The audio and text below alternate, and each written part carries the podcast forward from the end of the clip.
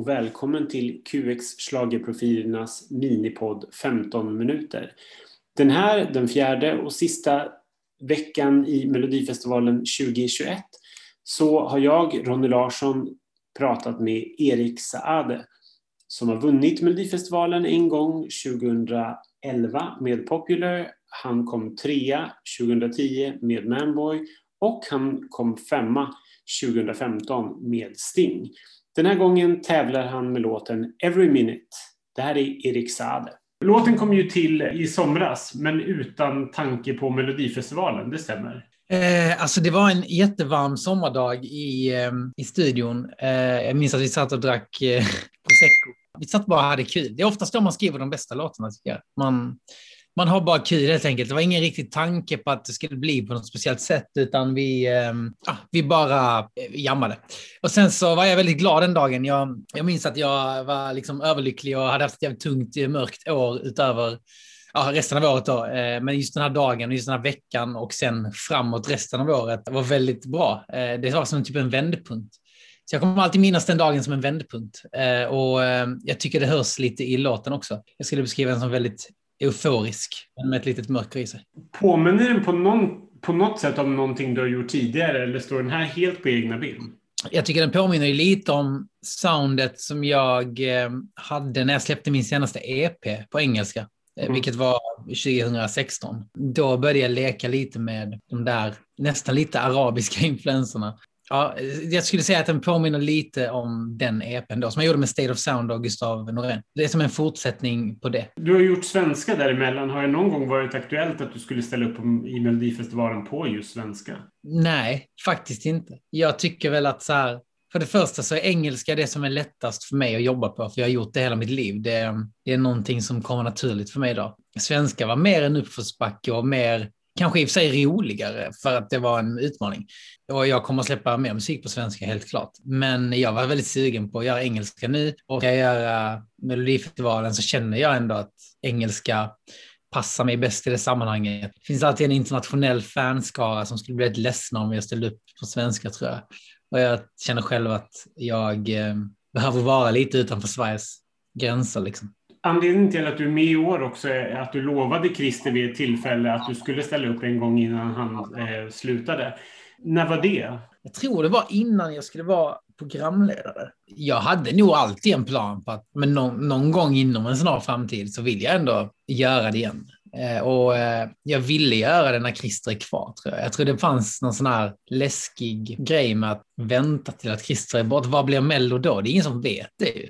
Det vet man ju inte. Liksom. Så att för, och för mig, jag menar, Mello som har betytt så mycket för mig i, i, i, min musikkarriär, så, så var det så viktigt att få göra det bara en sista gång då, när han är kvar. Ja, men han har väl tjatat på mig, eller tjatat på mig, han har sagt, frågat mig varje år egentligen om, om jag vill vara med.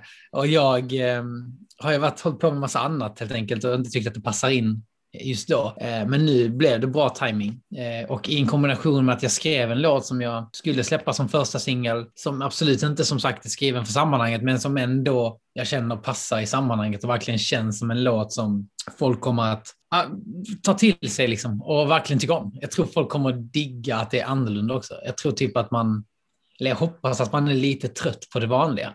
Mm. Och, och är öppen för att okej, okay, det, det är så modernt som, som det kommer vara eh, faktiskt. Eh, mm. som, som låten och framförandet kommer vara. Liksom. Hur har du tänkt när det gäller numret? Det är jätteminimalistiskt. Det är verkligen fokus på, på mig och på låten.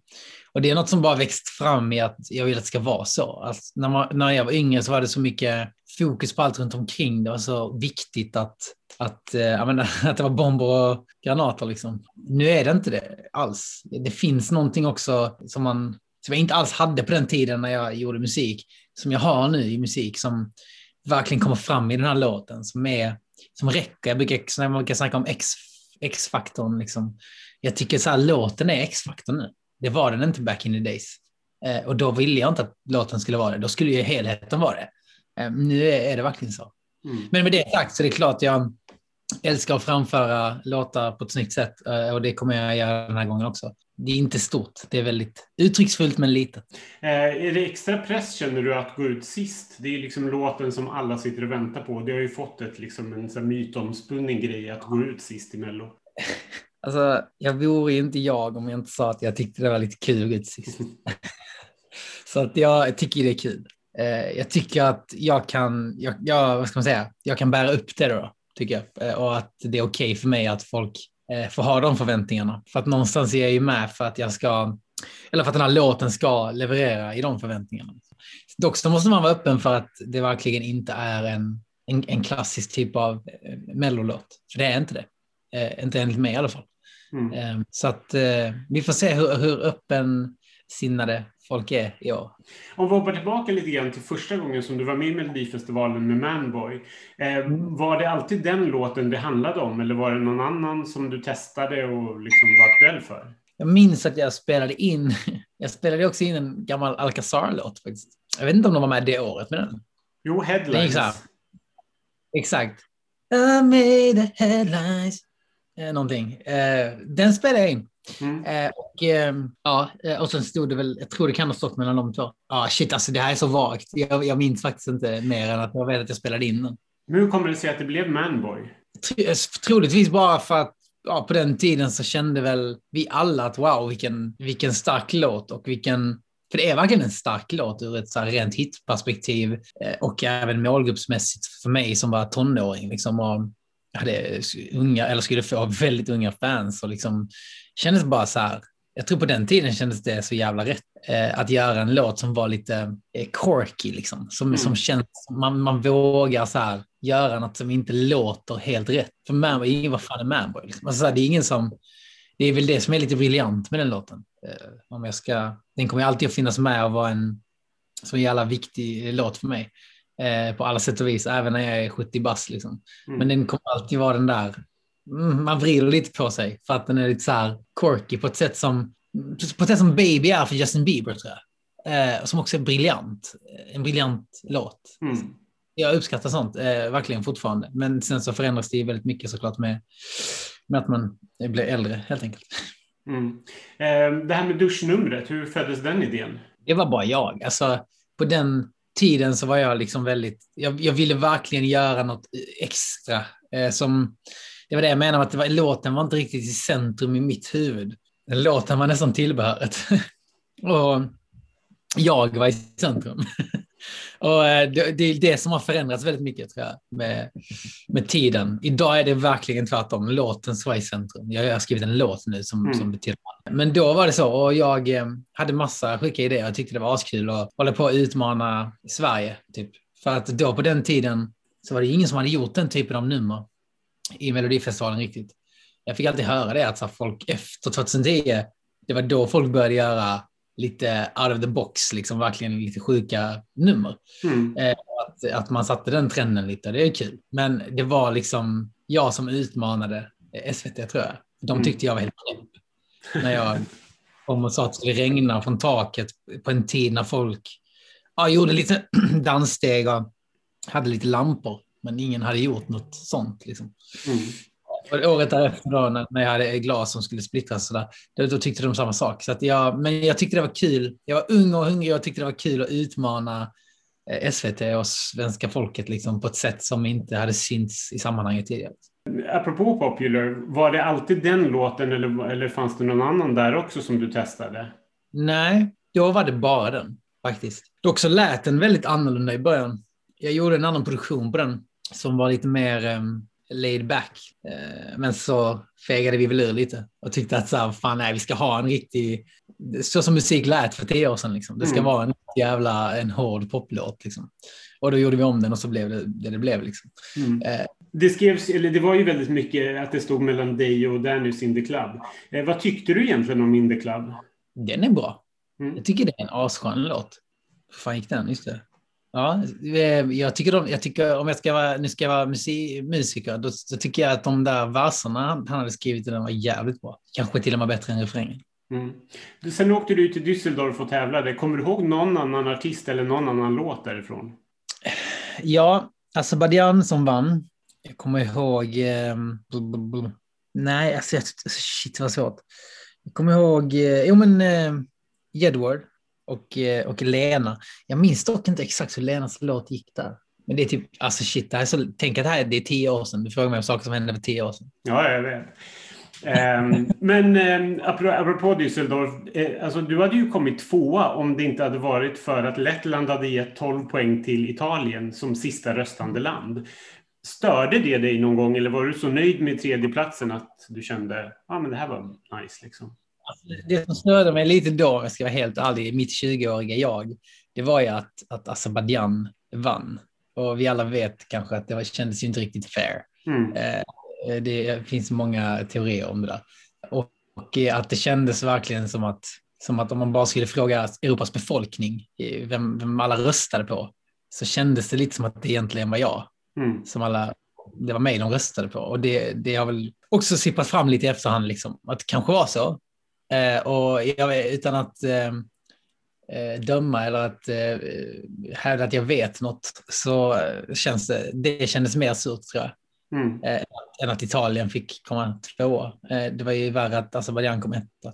Samtidigt så hade ju kanske Melodifestivalen och vår Eurovision-historia liksom, inte sett likadan ut om du hade vunnit, för då kanske Loreen aldrig hade vunnit året efter. Liksom.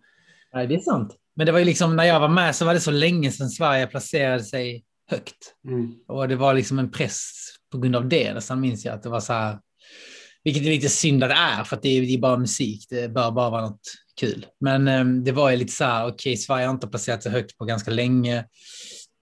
Det såg bra ut, vi fick väldigt mycket um, kärlek från allt andra, alla liksom. Det kändes som att ja, men det här kan nog gå ganska bra liksom. Och då kände väl jag så här att, och jag har fått höra det väldigt mycket av folk, att de tycker att det året borde nog Popular ha vunnit.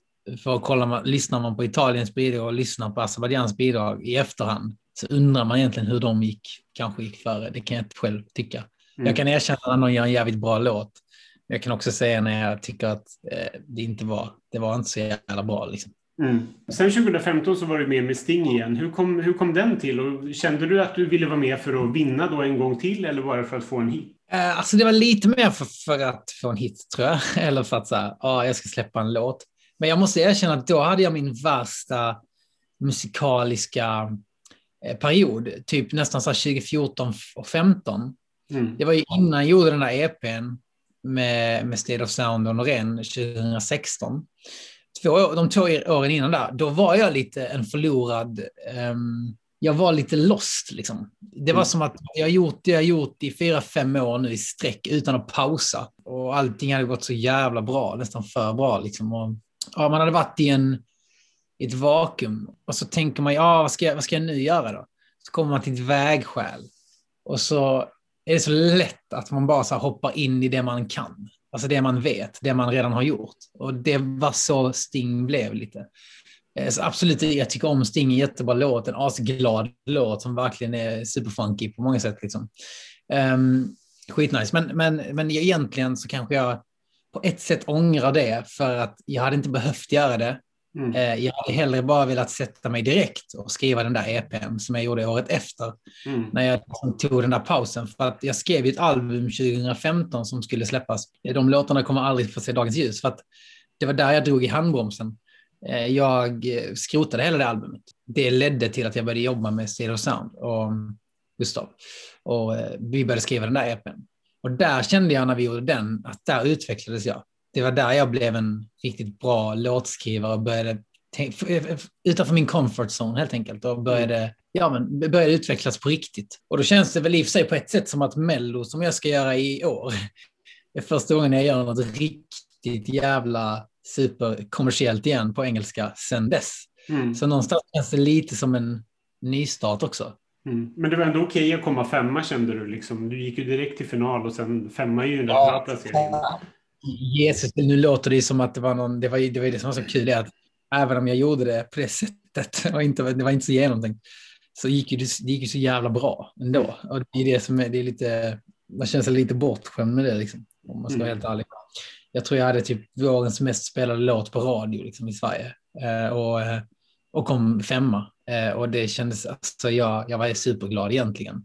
Det var väl jag, när jag skulle följa upp det här med det här albumet, så kände jag att nej men fan, ska jag bara fortsätta så här nu då eh, och, och turnera och steppa till albumet. Så vad, jag gör, vad är det jag vill? Jag visste liksom inte riktigt vad jag, vad jag ville komma med det. Så jag behövde skrota det. Jag behövde ta ett år och skriva den där EPn med människor som jag aldrig trodde jag skulle jobba ihop med, alltså med ett helt annat team och bara som, som drog mig lite utanför den här boxen som man är bekväm i. Mm. Eh, den har jag hållit mig utanför sedan dess och gör fortfarande. Jag är verkligen inte klivit in i något speciellt bara för att vara med i Mello i år, utan jag är verkligen fortfarande där. Nu ska jag väl få visa upp det då för en väldigt stor eh, publik eh, kommersiellt och det är skitkul. Jag känner att denna gången kan jag göra något som jag står för till 100 procent och då gör jag också att resultatet kanske blir mer sekundärt för mig. Men, men jag, jag kommer liksom att göra något som jag själv älskar. Liksom. När det här spelas in så har ju två av deltävlingarna gått. Eh, vad tycker du så här långt om Melodifestivalen? Det är fan det enda bra som går på tv, tycker jag. alltså, ja, men jag tycker att de har löst det så jävla snyggt, helt enkelt. Med publik, eh, speciellt andra programmet, tycker jag att de fick till dynamiken utan publik. Mm. Eh, strugglade väl lite med i första programmet kanske. Eh, men det makes sense. Eh, så, ehm, och sen bidragen, alltså, där kan jag väl tycka att jag, jag inte, faktiskt, jag måste erkänna att jag inte lyssnat så noga. Jag har verkligen haft det, tyvärr bara haft det på i bakgrunden lite och så kollat in och bara, ja, oh, shit, det här lät nice liksom. Mm. Så att, ja, jag tycker det överlag är, är nice. Eh, det känns som att det är en väldigt bra blandning än så länge. Det är två svenska bidrag som har gått vidare och två eh, engelskspråkiga bidrag, så det är väl kul. Mm. Eh, men så här, jag tror inte man, man mår inte så bra av att kolla på alla andra när man själv ska vara med. Man vill typ helst inte veta vad de andra gör. Och avslutningsvis, om, eh, om du skulle vinna Melodifestivalen i år, är du liksom super, supertaggad på att eh, visa upp Europa vad du, vad du gör just nu? Liksom? Så ja, supertaggad. Jag tror också att, eller jag vill tro att jag har ett försprång i Europa denna gången om det skulle gå så långt. Eftersom att Alltså sist jag släppte på engelska, då var jag runt en del. Liksom. Wide Wake spelades i, alltså, i väldigt många europeiska länder och låg högt upp på, på både radio och, eh, och sålde mycket. Och eh, det känns som ett, det här, det här är ju min uppföljning till Wide Wake eftersom att jag inte har släppt engelska sedan dess.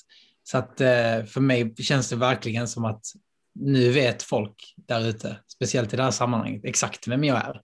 Eh, och skulle säkert ha mycket förväntningar, precis som den svenska publiken har. Och jag tror bara det, att det i ett, i ett Eurovision-sammanhang tror jag faktiskt att man gynnas av det, för då kommer folk inte gå och hämta eh, popcorn eller gå på toaletten när det är min låt. Liksom. Mm. Eh, och det gynnas man nog jävligt mycket av. Eh, och på så sätt vill jag väl tro att det finns en, en, en god chans att, att, att det skulle bli väldigt bra. Mm. Jag måste också fråga, hur är låten svårsjungen och har du liksom mycket backup eller mycket förinspelat eller är det liksom en organisk där du sjunger väldigt mycket själv? Eh, alltså alla, alla leads sjunger jag själv, men jag har ju, min låt består bland annat av en, en röstsampling som är syntifierad som man spelar med en synt. Eh, så det kommer upplevas som en röst som jag då inte sjunger för den spelas av en synt. Så den, sjungs, den sjunger inte jag. Det är också därför den är lite så utanför boxen. Den är inte anpassad till Mello jag tror aldrig en låt har låtit så i Mello. Jag tror aldrig någon har liksom riktigt gjort den typen av grej. Jag tycker låten passar mig. Eh, den känns asskön att sjunga och det är så musik ska vara. Man ska kunna sitta i studion så här på en stol och sjunga låten och bara känna shit vad, vilken vibe. Eh, jag vill inte behöva eh, klippa bollarna på mig själv för att kunna sjunga en låt längre. Det känns liksom onödigt. Det är inte det, är inte det man vill. Okay.